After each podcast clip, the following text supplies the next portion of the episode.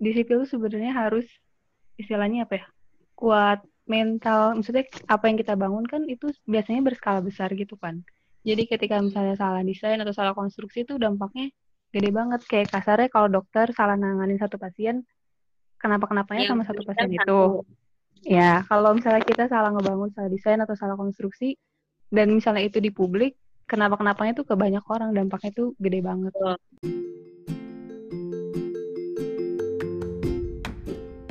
Oke, jadi kali ini kita udah ada dua narasumber uh, yang sama-sama kita bertiga kuliah di Teknik Sipil ITB. Nah, uh, silahkan memperkenalkan diri. Halo semuanya, aku Tifa. Sekarang kerja di konsultan sipil juga masih nyambung sama kuliah. Geoteknik ya. Terus Geoteknik uh, Enggar, silahkan perkenalkan diri. Halo, aku Enggar, jurusan Teknik Sipil, alumni. Sekarang kerja di konsultan pengawas kereta cepat. Oke, uh, pertama-tama aku mau nanya dulu, kenapa kalian memilih jurusan Teknik Sipil? Mulai dari Tifa deh. Kalau dulu pengen teknik sipil, apa ya? Kalau pas waktu SMA sih sesimpel dulu suka pelajaran fisika. Terus kayaknya dari jurusan-jurusan tuh yang agak nyambung teknik sipil gitu. Dari jurusan yang berbau fisika itu teknik sipil gitu ya? Nyari-nyari info juga kan teknik sipil tuh udah luas ilmunya. Terus kayak emang bakal kepake sampai lama lah prospek kerjanya juga bagus. Bayangannya kamu dulu waktu sebelum masuk jurusan ini, bayangannya ntar kuliah eh lulus lulus kuliah bakal jadi apa? Bakal kerja seperti apa gitu? Bakal kerja ya nggak jauh sih antara konsultan kontraktor sebenarnya. Oke. Okay. Berarti ya, udah ngebangun-bangun infrastruktur gitu. Oke, okay. kalau Enggar, nah Enggar kenapa memilih teknik sipil? Kalau aku uh, sebenarnya alasannya hampir sama sih kayak Tifa. Awalnya kan dulu pengennya jadi dokter ya oh, kelas uh, kelas 10 gitu bayangannya. Tapi kok uh, biologi aku tuh kayak jelek gitu. Terus malah lebih lebih menguasainya matematik sama fisika. Hmm. terus uh, waktu itu um, ya sebenarnya nggak nggak langsung spesifik nemu teknik sipil sih. Awalnya tuh pengen yang kayak di industri-industri gitu kayak teknik industri atau kimia kayak gitu. Cuma karena waktu itu mungkin aku pengennya di ITB terus kayaknya kemungkinan dengan nilaiku nih kayaknya uh, apa sipil gitu STSL waktu itu. Jadi sebenarnya uh, buat buat anak-anak SMA tuh penting juga sih kayak me, me, apa ya ini kan kapasitas kita gitu loh menempatkan kapasitas kita gitu. Terus uh, pas dilihat-lihat kayaknya prospek buat di teknik sipil tuh bagus juga kok gitu. Terus ilmunya kan udah udah lama terus prospeknya tuh kayak uh, selalu ada gitu loh. Meskipun dia tuh teknik yang tua banget tapi emang selalu apa ada terus gitu jadi makanya waktu itu milih teknik sipil. Iya yang bakal nggak akan nggak akan nggak ada kerjaan ya ke depannya. Ya gitu. Jadi kayak uh, rate apa ratingnya tuh di ITB tuh kayak tengah-tengah tapi prospeknya juga bagus gitu. Jadi kan teknik sipil ada lima kelompok keahlian, terutama di teknik sipil ITB ya. Ada lima kelompok lah, lima kelompok keahlian. Nah, uh, bisa tolong menjelaskan Enggar untuk kenapa uh, ada apa aja nih kelompok keahliannya? Uh -uh. Uh, kalau di ITB itu di teknik sipil ITB itu ada lima kelompok keahlian. Yang pertama struktur, geoteknik, kemudian manajemen konstruksi, terus air dan transport transportasi. Nah, untuk uh, struktur, kalau struktur itu mempelajari uh, bagaimana uh, suatu struktur bangunan, jembatan, atau apa pun itu strukturnya struktur beton atau baja itu kita pelajari gimana pembebanannya uh, terus dimensinya seperti apa kemudian kalau uh, geoteknik itu mengenai tentang tanah jadi setiap infrastruktur itu kan uh, di teknik sipil itu berdiri di tanah kan. Nah, uh, di situ kita harus uh, mengetahui perilaku tanah seperti apa sehingga kita bisa mendesain uh, berapa dimensi pondasinya atau uh, dinding tanahnya. Uh, kemudian untuk manajemen konstruksi itu uh, mengenai gimana kita memanage uh, sebuah konstruksi mengenai tentang schedule-nya, biayanya, materialnya, itu seperti apa. Biasanya tuh dilakukan oleh kontraktor sih. Kemudian untuk bagian air, itu tuh teknik sumber daya air ya. Eh, iya, teknik sumber daya air. Itu tuh kayak mempelajari uh, bangunan untuk uh, mengakomodasi air kayak misal uh, dam itu apa namanya Bendung. apa sih dam tuh bendungan ya bendungan gitu ya. Waduk terus uh, drainase kita harus mendesainnya seperti apa. Karena kan ada debit yang perlu kita tampung nih gitu. Supaya tidak banjir oh. gitu kan. Ya supaya tidak banjir ya Din ya. Terus uh, yang terakhir itu transport. biasanya tuh mengenai kayak jalan terus jalan tol. Kita harus menghit, uh, menghitung mendesain rasenya jadi uh, lintasannya itu seperti apa biar uh, nyaman terus uh, apa sesuai dengan lokasinya seperti itu. Mungkin bisa ditambahin oke yang Tifa dulu coba mungkin ada tambahan untuk geoteknik mungkin terutama. Hmm. Kalau geoteknik udah sih bener tadi yang kata Enggar geoteknik itu lebih ke kan kita bikin infrastruktur di atasnya. Tapi itu kan ditopang dengan eh oleh tanah yang di bawahnya. Nah jadi geoteknik itu lebih ke tanah kayak apa sih yang di bawahnya? Terus yang ngedesain fondasinya mau jenis apa? Terus dimensinya perlu segimana itu sesuai karakteristik tanahnya. Terus juga kalau kita bikin sesuatu di lereng ngecek stabilitas lereng tersebut. Kayak gitu.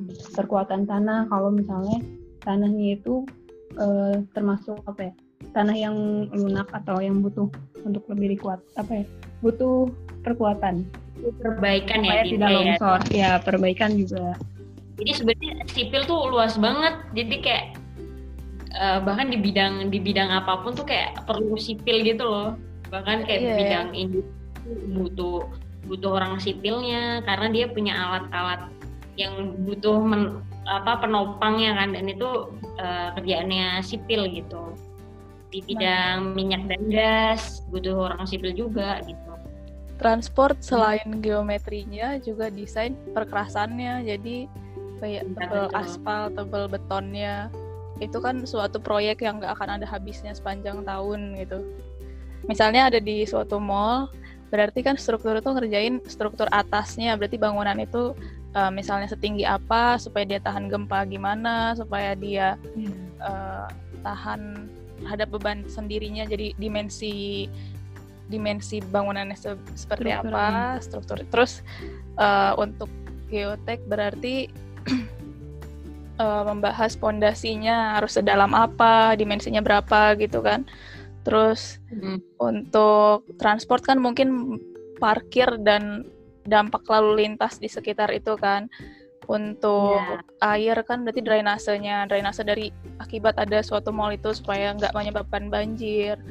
Terus untuk manajemen rekayasa konstruksi berarti uh, mendesain dari scheduling proyek supaya bangunan mall itu uh, berjalan supaya proyeknya itu berjalan lebih efektif gitu kan ya secara biayanya waktunya gitu sumber dayanya gitu kan ya oke okay.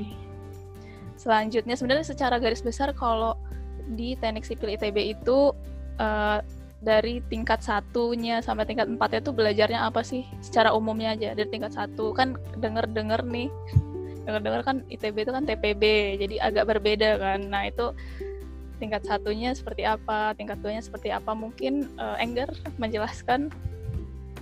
Um, kalau jadi di TB kan uh, kita harus melewati TB uh, tahap TB tahap persiapan bersama ya.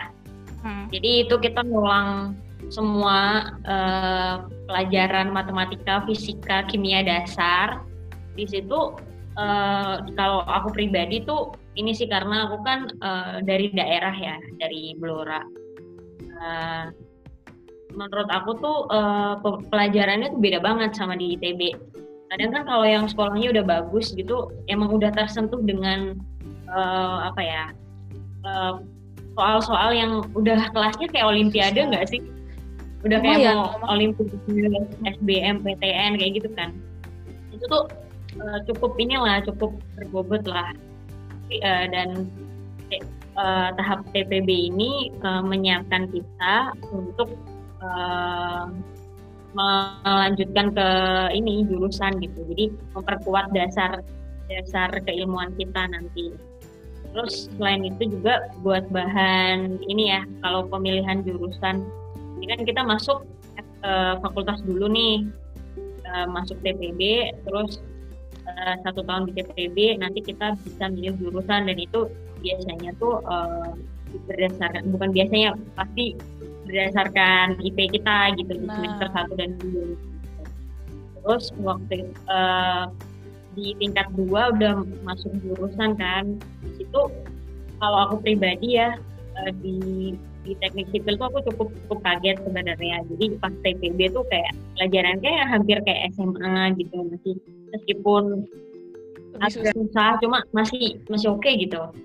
Uh, karena ini sih lebih ke standar nilainya tuh teruk gimana ya terukur banget gitu loh. Kalau di sipil kan teman-temannya udah udah terkelompokkan bisa dibilang yang pinter-pinter terus habis itu uh, apa nilainya juga distribusi normal kan. Jadi kayak kaget banget gitu pas aku masuk di tingkat tiga.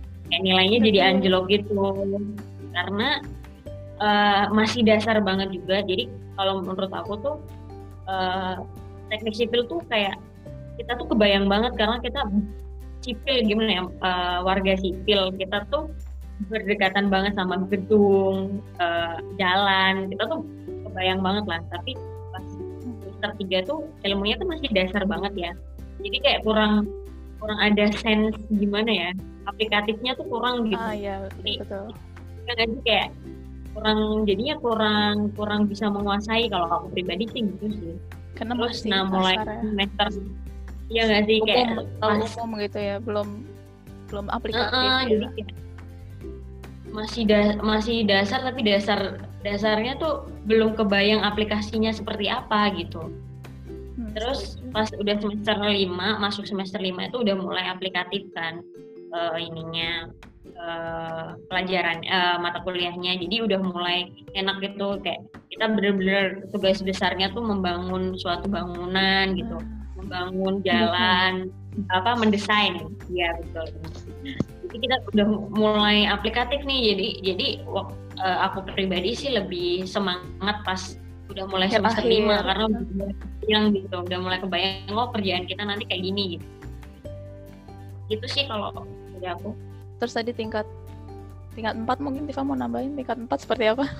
Kalau tingkat empat itu lebih apa ya udah lebih jauh lebih aplikatif sih. Pengen lebih pengen spesifik ke bidang kalian mana mungkin itu lebih banyak diambil matkulnya.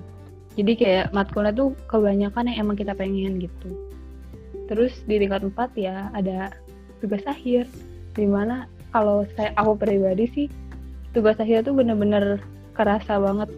Apa ya? Oh ntar kerja tuh kurang lebih bakal kayak gini. Soalnya tugas akhir di kita itu kan nggak desain ya kayaknya enak aku merasa nggak tahu ya kalau kalau di univ lain seperti apa cuma kalau di ITB tuh enaknya tuh gitu kayak kita tuh TA-nya tuh bener-bener uh, mendesain bener-bener langsung kayak terjun di dunia kerja gitu nggak sih? Eh, simulasi ya kan? Iya benar. Kadang kan kalau di setahu aku sih di univ lain tuh kayak penelitian uh, penelitian penelitian gitu. kalau kita kan bener-bener langsung desain gitu. Iya, aku setuju hmm. banget sih dan ini kan kayak Lagi simulasi di proyek. Di proyek kan kita bakal ketemu orang dengan kelompok keahlian yang berbeda-beda. Apalagi nanti ketemu lagi arsitek ketemu lagi apa gitu. Terus kita kayak harus bisa koordinasi belajar dari proyek eh belajar dari TA ini kan. Karena iya TA-nya TA terpadu yang semua kelompok keahlian di sipil itu digabung satu kelompok harus kerja bareng. Jadi ya emang kayak simulasi kerja. Oke, tadi udah mulai disinggung tugas besar, tugas akhir. Nah, sebenarnya praktikum praktikumnya ada nggak sih sebenarnya praktikumnya apa aja untuk Tifa? Mungkin masih ingat nggak nih kira-kira praktikumnya apa aja? praktikumnya ya Eh, kalau misalnya air dulu ada Mekplu mekanika fluida itu semester 3 atau 4 ya Tiga, eh tiga ya mekanik fluida. Tiga ya. Iya. Dalam miniatur gitu jadinya. Kayak perilaku air tuh seperti apa. Ah, iya. Ya, Terus ada praktikum apa lagi nih? Tifa. ada mekanika tanah Kayak sabahan. Rekayasa bahan apa tuh? Rekayasa bahan tuh kayak kita mau pelajarin material-material yang biasanya digunakan kalau di dalam infrastruktur kan biasanya kita menggunakan beton, baja.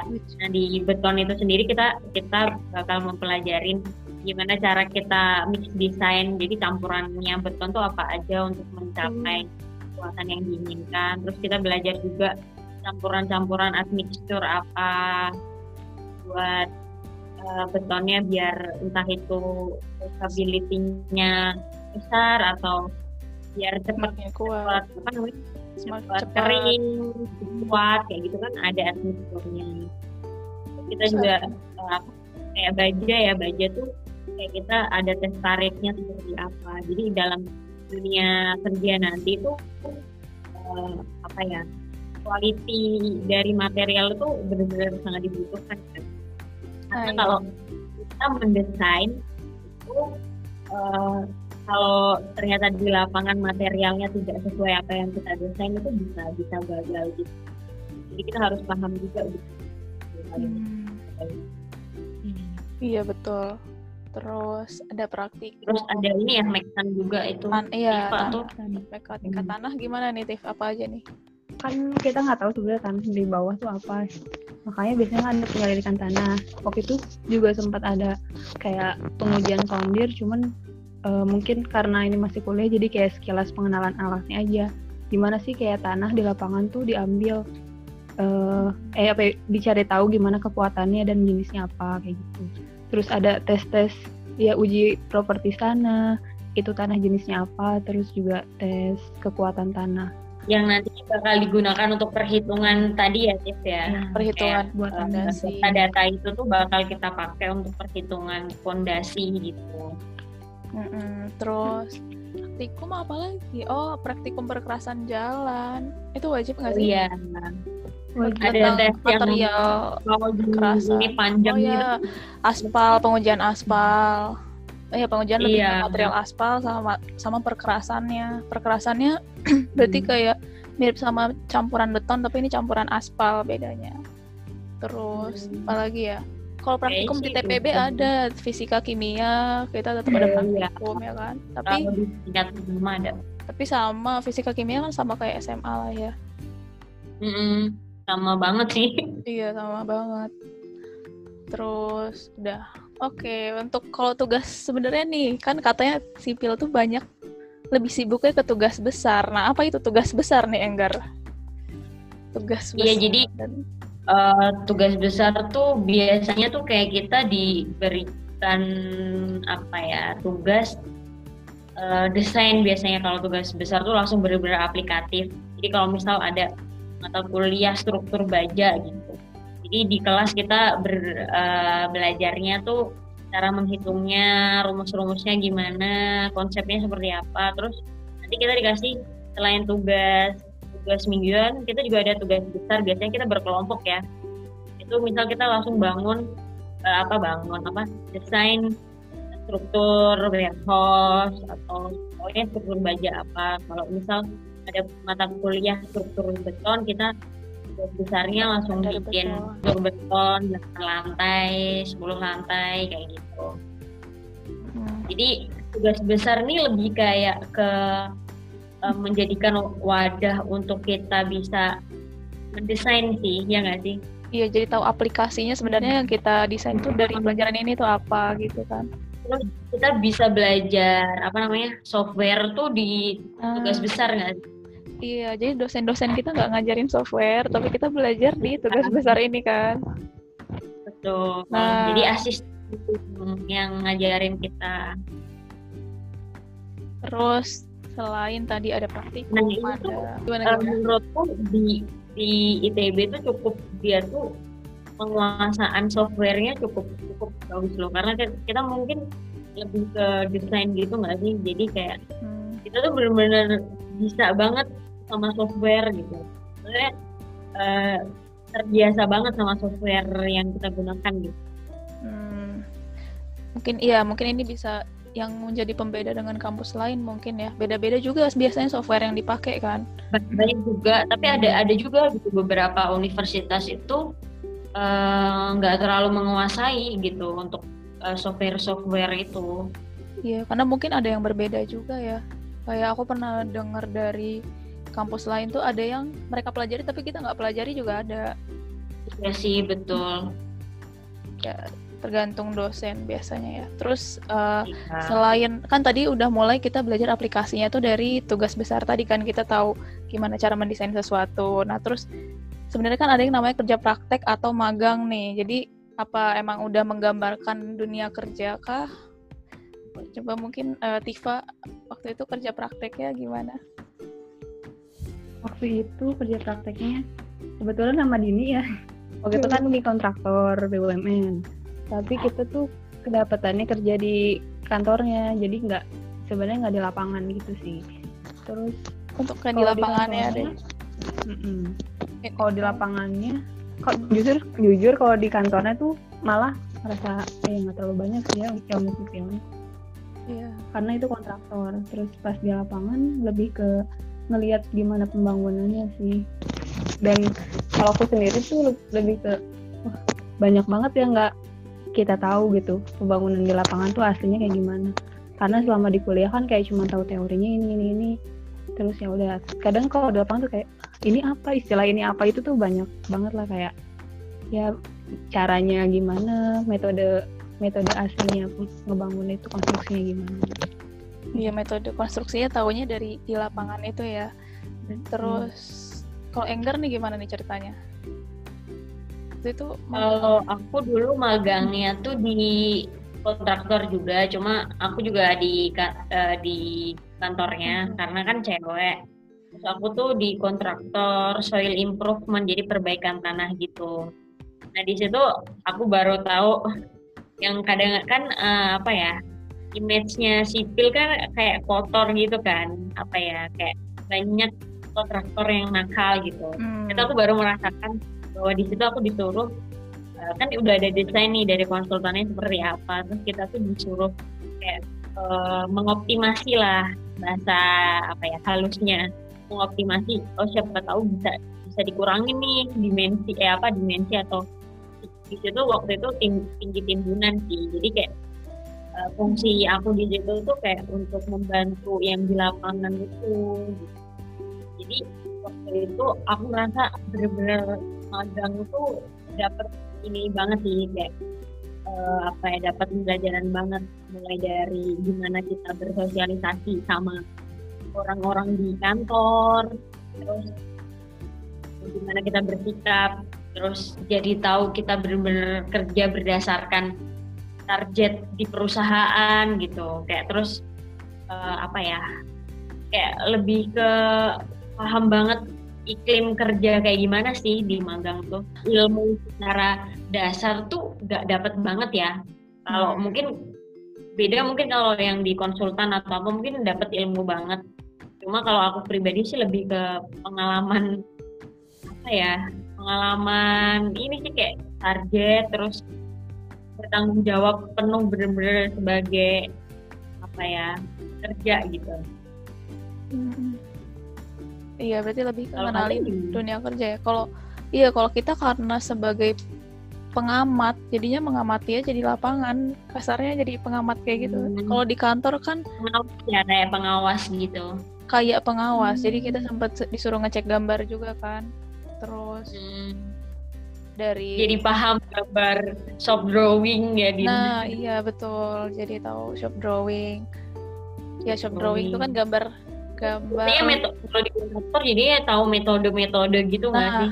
iya gam lebih ke tahu gambar sama metode terus ya dunia kontraktor juga tahu lah kayak Sama eh, schedulingnya sih mungkin ya. ah ya ke- penjadwalannya ya kita Hmm. bener-bener tahu ya aku ngerasa banget sih jadwal penjadwalan eh, kayak ngecor beton tuh berapa hari terus keringnya berapa hari kayak gitu kan Mm-mm, hal yang simple betul. tapi kita cuma bisa tahu dari lapangan gitu nggak dari pelajaran kuliah Benar-benar. Kita nggak diajarin kayak gitu gitu. Mm-mm. Kita bahkan dulu kayak cuma dikasih tugas suruh bikin jadwal, tapi kan kita nggak ngerti apa ya kita nggak ngerti ini berapa, lama, gitu. iya berapa lama selesainya, bentuknya kayak apa, Hmm. segede apa kita nggak kebayang. Iya. Terus eh untuk Tifa mungkin pertanyaan spesial ya. Sebenarnya waktu jadi kan kita eh, udah belajar kerja praktek juga, tapi ini Tifa pernah praktek di lapangan selain kerja praktek nih, KKN. Gimana nih? Oh KKN iya. Struktur. Ceritanya kayak Kayaknya gimana? benar.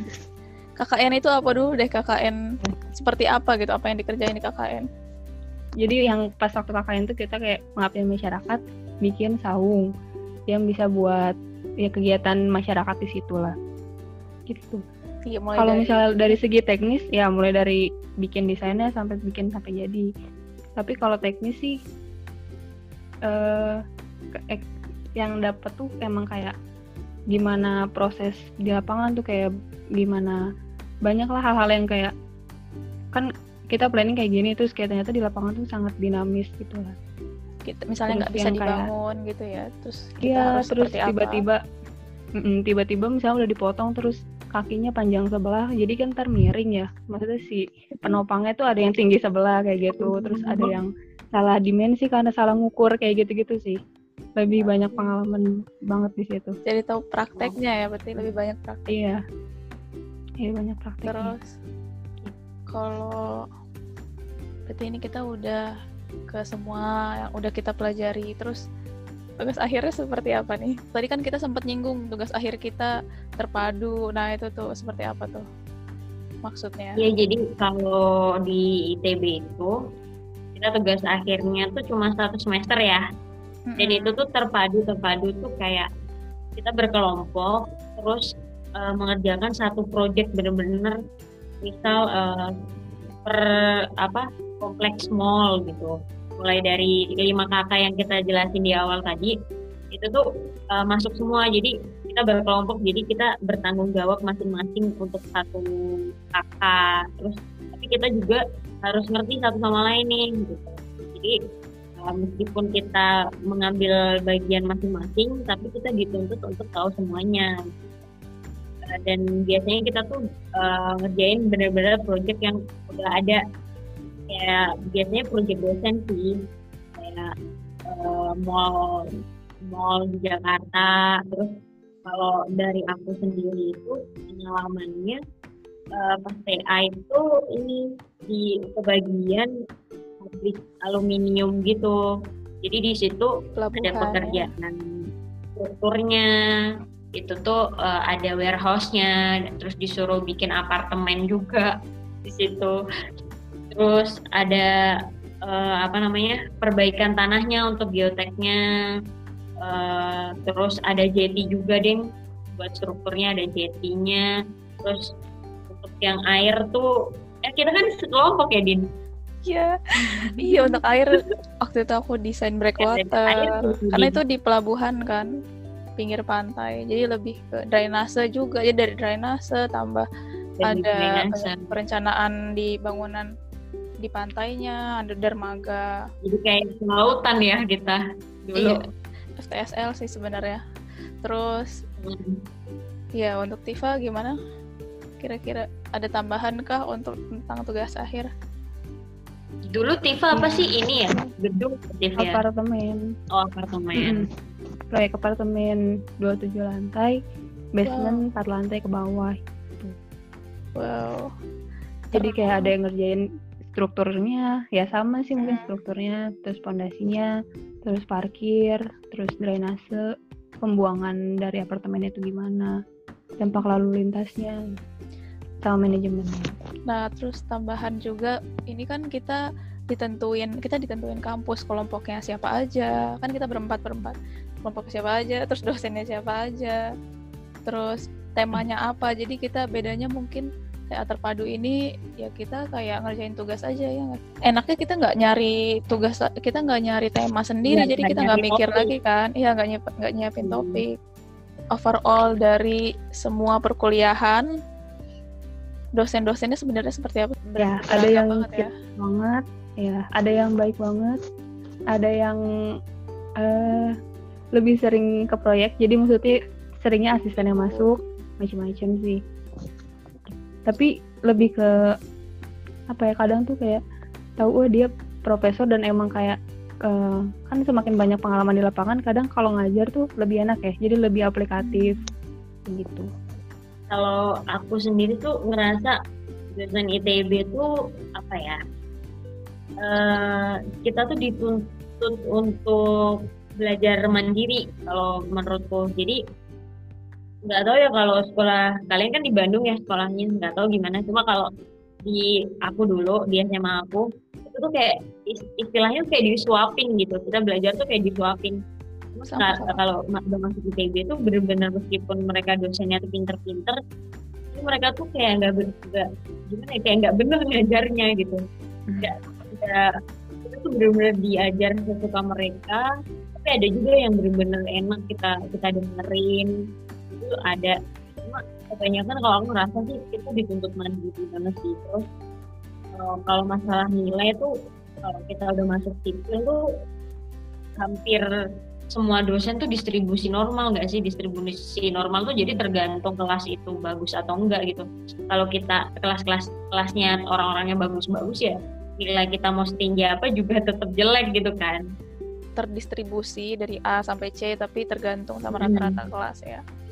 Iya, dosennya kalau di ITB banyak juga dosen yang eh, hebat. Ya sebenarnya sama aja gitu kalau ngajar karena ya kayak tadi balik balik lagi eh, kalau dosen ngajar kan emang karena dosen bukan guru jadi bukan nyuapin tapi lebih ke ngajarin konsep terus kita harus ngerti sendiri. Setelah itu kita baca sendiri, Iya. ngajarin soal sendiri. Nah, setelah tadi membahas perkuliahannya, sebenarnya yang paling penting nih adalah gimana sebenarnya seperti apa dunia kerjanya. Mungkin eh, dari Enggar nih gimana kerja di dunia teknik Ah, sipil, kerjanya sebagai apa gitu? Kerjanya sebagai lebih tepatnya kan Enggar sekarang jadi konsultan pengawas. Terus konsultan pengawas itu sebenarnya apa gitu?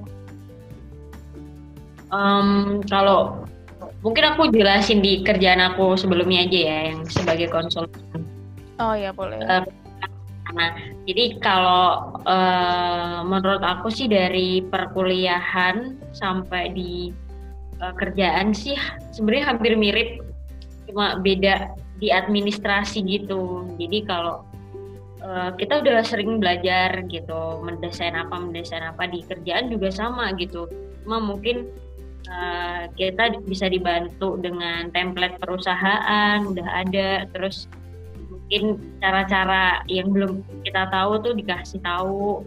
Jadi kita eh, sebenarnya kerja juga sambil kita belajar sih. Nah di konsul- eh, konsultan perencana tuh bener-bener hampir mirip banget sama kuliah gitu tapi pas aku udah pindah kerja di konsultan pengawas itu karena kita juga mengawasi apa ya udah udah mengawasi kontraktor juga jadinya kayak double job gitu. Kayak kita harus paham konsultan perencananya juga tapi kita juga harus paham kontraktornya juga gitu. Dan menurut aku tuh ketika kita kerja di konsultan atau di kontraktor atau di konsultan pengawas itu tuh benar-benar dunia yang sebenarnya nggak beda jauh cuma berbeda gitu kayak kita tuh bisa bisa gitu nggak- eh kita hampir nggak bisa gimana ya kita tuh eh, nggak bisa langsung bisa menguasai bener-bener sedalam-dalam itu ketiga apa sih tahap em, perusahaan gede ini gitu. Jadi kita bener-bener paham perencanaan, terus kita bener-bener paham kontraktor, bener-bener paham pengawasan tuh hampir gimana ya, mungkin orangnya jago banget gitu. Menurutku emang eh, beda banget gitu ketika, kita kerja di kontraktor, ketika kita kerja di konsultan itu kayak beda aja gitu menurut aku. luas banget jadi kita lebih baik kayak mungkin bisa kali ya kita uh, awal-awal tuh kayak kita coba-coba terus habis itu kita fokus aja di satu ini satu satu bidang gitu misal konsultan rencana atau kontraktor aja gitu itu sih Iya. Terus kalau Tifa gimana nih? Sekarang di konsultan, uh, khususnya tuh di bagian geotek, teknik geoteknya. Terus kalau misalnya tadi Enggar bilang mungkin template-template, kalau menurutku itu lebih ke tergantung perusahaannya mungkin ya. Soalnya kalau yang di aku kan uh, perusahaannya termasuk yang startup ya. Jadi kalau template itu masih jarang, justru malah uh, ngerasa tuh bener-bener kayak dari awal ya buat dari awal banget gitu kayak misalnya ya nggak ada lah templatenya cuman karena Hmm. mungkin karena ada coach coach apa ya lebih ke ya senior gitu ya jadi kayak dibantu gitu lah gitu. terus kalau dari segi keilmuannya sih khususnya di geotek ya aku ngerasa kayak tiga tahun di sipil itu masih jauh dikit banget ilmunya dibanding yang dibutuhin di eh, apa di dunia kerja kayak pas di Hmm. kerja tuh kayak wah banyak banget nggak taunya gitu sih iya Ya, gitu. Mungkin itu dari cuma dari segi satu konsultan doang di satu bidang tuh ngerasa banyak nggak taunya apalagi kayak yang seluas konsultan kontraktor dan pengawas kayak Iya. wah itu gede banget sih yang oh iya sebelumnya tadi mungkin eh, harus dijabarin dulu kali ya. Kan kalau di sipil ada posisinya sebagai konsultan itu yang mendesain terus ada kontraktor itu yang mel- melaksanakan di lapangan. Kalau konsultan pengawas tadi yang kata Enggar harus mengerti kerjaan konsultan da- perencana dan kon- dan kontraktor karena mengawasi kerjaan keduanya. Dan ada owner yang punyanya Oh, iya. gitu kan. Owner yang punya Oh, juga iya, tetap iya, harus iya. ngerti oh terus ada konsultan manajemen konstruksi kan ada yang nge-manage scheduling proyeknya juga. Terus eh ya mungkin tadi hubungannya sama kuliah kan sebenarnya ada ilmu yang lebih ya, ilmunya sebenarnya bisa lebih detail dari apa yang dipelajari di kuliah ya. Tapi sebenarnya yang kalian kerjain kan nyambung sama kuliah gitu. Terus berarti kalau dari Enggar sebenarnya ilmunya semuanya kepake. Nggak atau benar-benar ya udah geotek semua tentang geotek kepake deh gitu. Atau gimana? Atau semua tentang struktur kepake di kerjaan atau enggak juga? Kalau menurut aku sih em, hampir semua sih. Kalau misal struktur gitu. Tapi tergantung sih. Kadang kalau kerjaannya nggak perlu misal eh, su- suatu topik ya jadinya nggak nggak kepake. Cuma karena kita kerja kan jangka waktunya panjang terus kadang kita ngerjain proyek yang berbeda-beda. Jadi jatuhnya tetap hampir semua sih kepake meskipun ada juga yang enggak gitu. Cuma yang secara garis besar yang apa ya yang penting-pentingnya tuh kepake banget. Iya sama. Walaupun misal aku kerjanya eh, apa ya, fokusnya di geotek tapi tetap kayak pasti ada bagian-bagian strukturnya tetap harus ngerti kayak dan harus karena kan nyambung ya kerjanya. Bagian strukturnya kadang juga ada kayak bagian hidrologinya transportnya. Apalagi kalau geotek itu sendiri kan sebenarnya ada di hampir semua kakak ya nyambung. Kayak di, kalau ada struktur butuh geoteknya. Kalau ada bangunan air butuh geotek. Ada Nah, jalan butuh geotek. Iya benar benar setuju sih. Jadi emang harus aku pun ngerasa sebagai orang transportasi harus ngerti geotek ngerasanya. Ujung-ujungnya setelah keluar dari sipil kan intinya kita tetap butuh dari kelima kakak itu kita nggak bisa milih nggak sih? Jadi tetap aja kita pakai apalagi manajemen konstruksi. Kalau aku sih kepake terus jadi benar-benar ya kalian juga kepake terus nggak sih? Hmm, iya betul. Bikin apalagi kalau kemarin itu eh, di minyak dan gas ya oil and gas. Itu tuh bener-bener nggak sedalam itu misal struktur nggak bangunannya itu nggak yang nggak berpuluh-puluh lantai tuh nggak.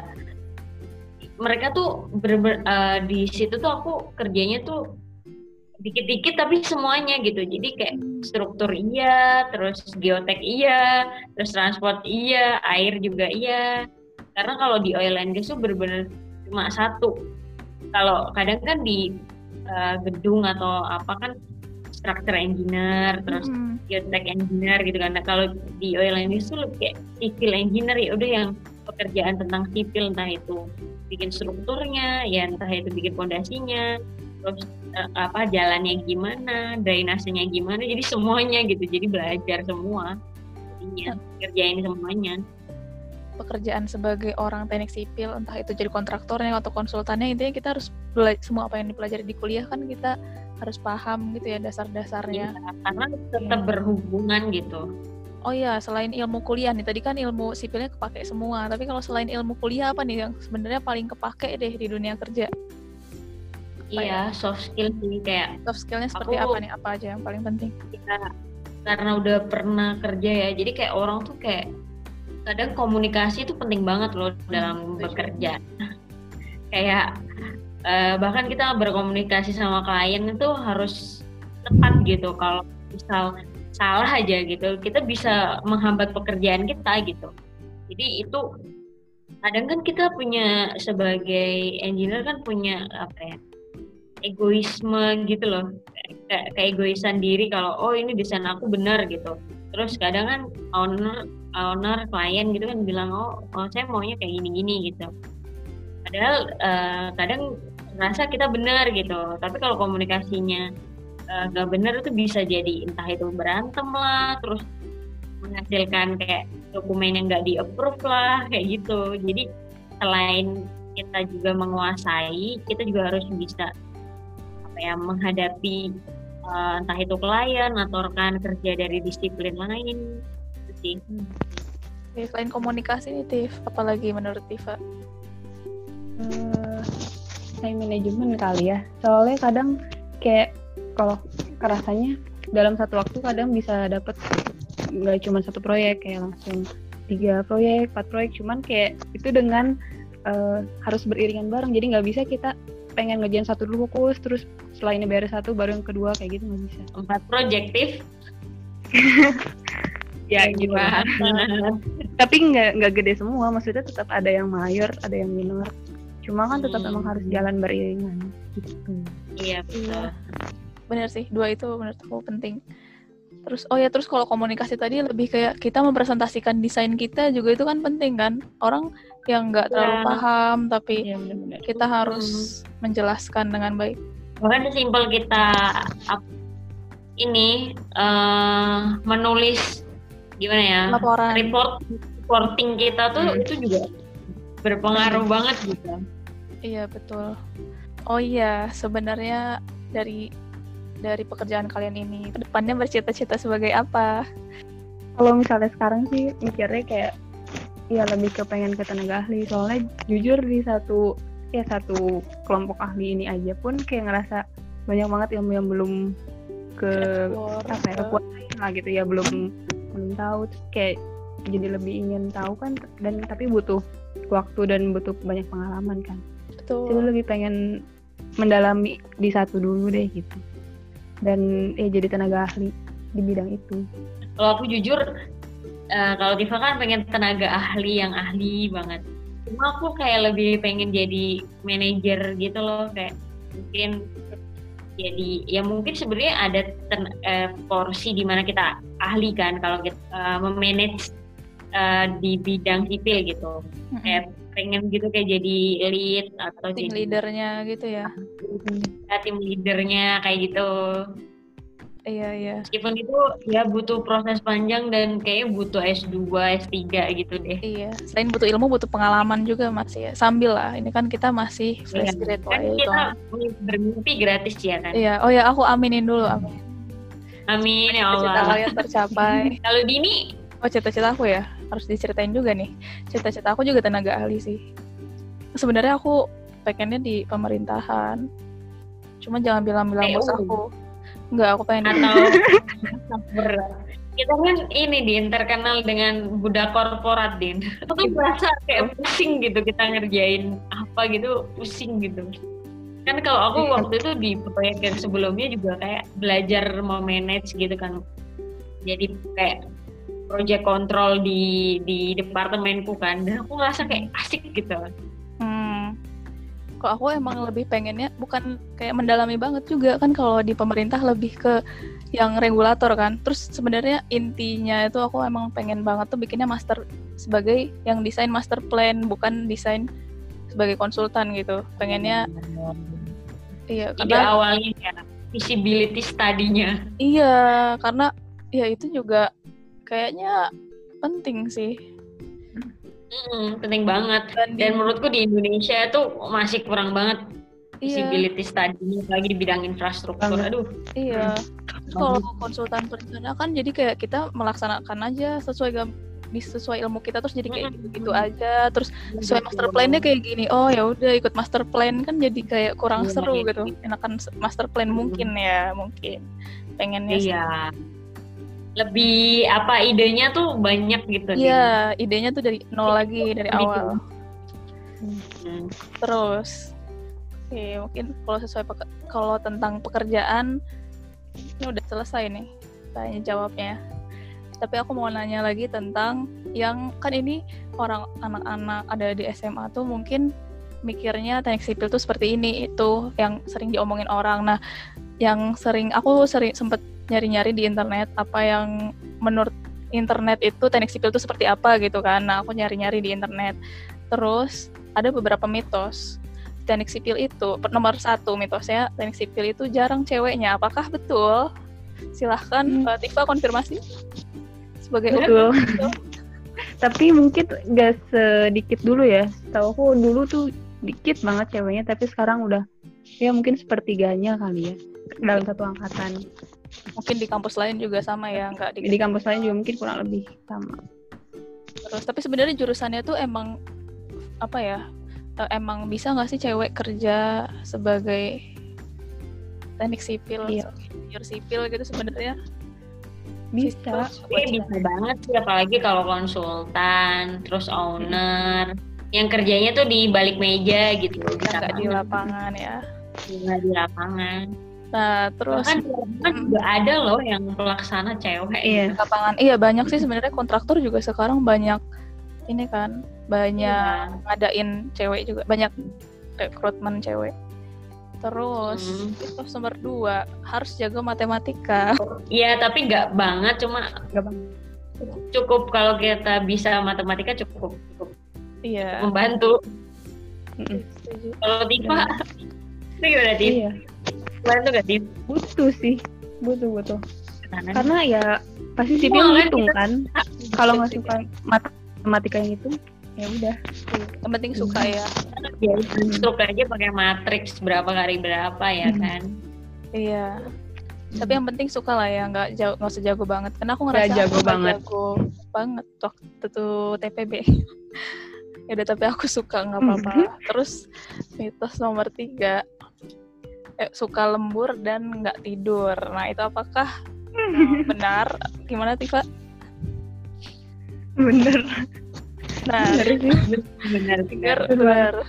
Benar iya benar sih. Tapi gimana kita mengatur waktunya juga kan?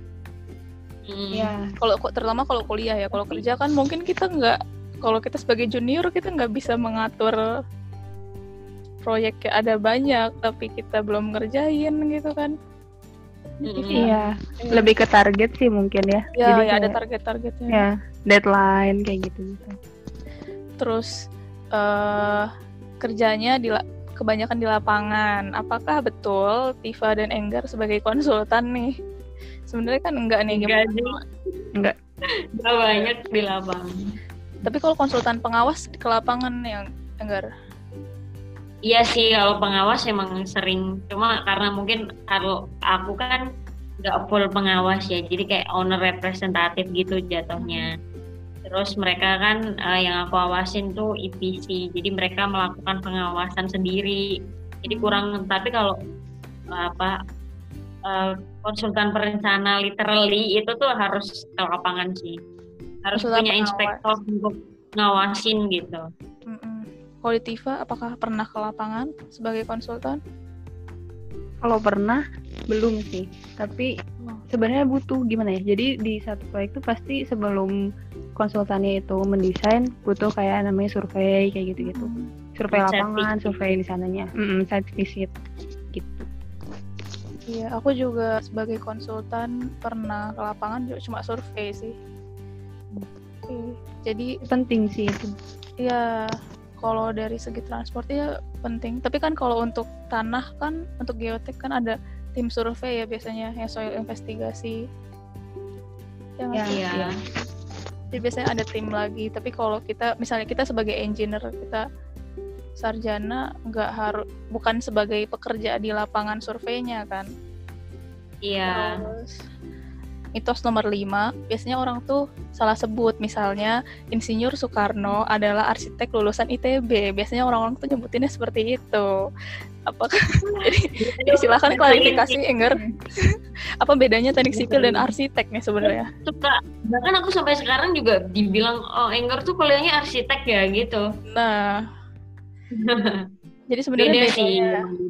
Kalau arsitek tuh lebih kayak dia mengatur gimana eh gimana ya dia mendesain gimana bentuknya terus penggunaan ruangnya seperti apa elevasi elevasinya kayak gitu terus per- perintilan-perintilan di dalam gedung itu kayak lampu plafon dinding kayak gitu-gitu. Jadi tapi kalau teknik sipil tuh lebih ke eh, struktur bangunannya gimana bangunan itu bisa berdiri kokoh eh, sesuai umur layannya.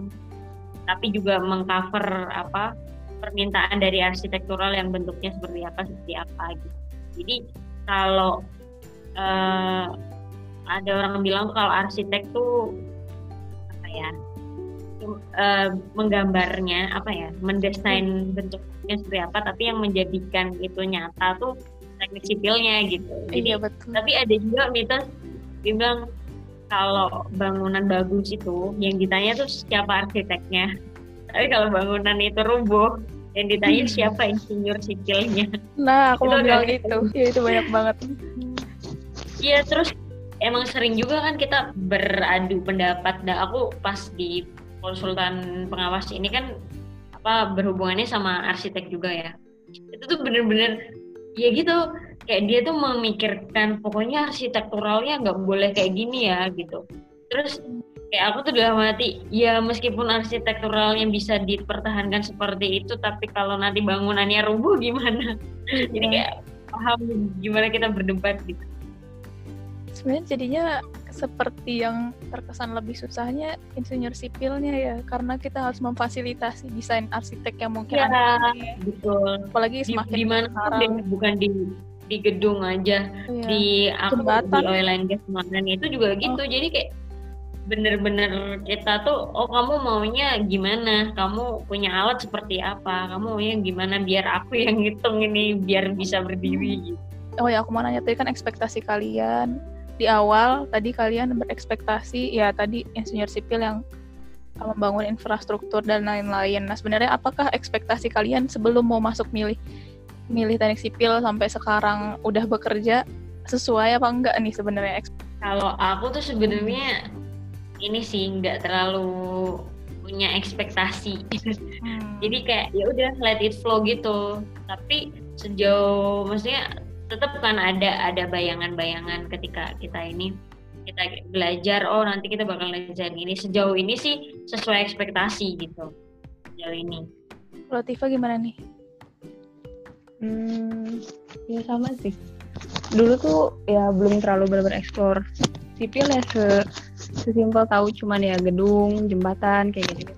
Terus eh, apa ya? Tapi kalau misalnya sekarang tuh malah kayak banyaknya tuh ternyata ke jurusan-jurusan lain juga kayak tambang, kayak tadi apa sih? Enggar IPC kayak gitu kan. Jadi sejauh ini ya emang masih sesuai ekspektasi lah. Mm-mm. Cuman Iya. ternyata yang bedanya leb- jauh lebih luas aja gitu dari Ah. perkiraan. Iya setuju sih, aku juga sama mikir gitu. Ternyata teknik sipil lebih dalam dan lebih dua, lebih luas dari yang aku bayangkan. Aku pikir kayak cuma iya bangun ya rumah, Seru bangun jadi apa? Gimana? iya jadi kayak pas di kuliah kayak ngerasa eh, emang berguna gak sih kayak tapi pas pas kerja tuh kayak bener-bener aku malah lebih happy gitu meskipun ya ada Hmm. lah fase di mana kita kangen kuliah tapi pas pas kerja tuh lebih kayak menikmati gitu kalau menurutku ya Iya, karena kita bener-bener mungkin ada rasa puas itu mungkin ya. Puas kita udah mengerjakan sesuatu, terus nanti ini tuh bakal dibangun gitu ya nggak sih? Terus- Iya Terus eh, suka dukanya di teknik sipil apa nih menurut Tifa? Lebih ke mungkin kalau karena ini kali ya di dosennya dosennya tuh ya walaupun tadi yang kayak nggak terlalu menjelaskan tapi sebenarnya banyak apa ya banyak dapat inspirasi lah dari dosen-dosennya kayak gitu. Terus teman-temannya sih waktu itu enak-enak banget gitu saling support kayak gitu-gitu. Dan kalau dukanya mungkin lebih ke apa ya kuliah. Chaosnya mungkin ya tidur. kurang jam tidur. Bener-bener dengan tugas-tugasnya kayak gitu. Tapi itu juga emang kayak latihan gitu sih. Karena pas kerja juga ya kurang lebih sebenarnya kayak gitu. Hmm. Kalau anchor gimana nih? Suka duka?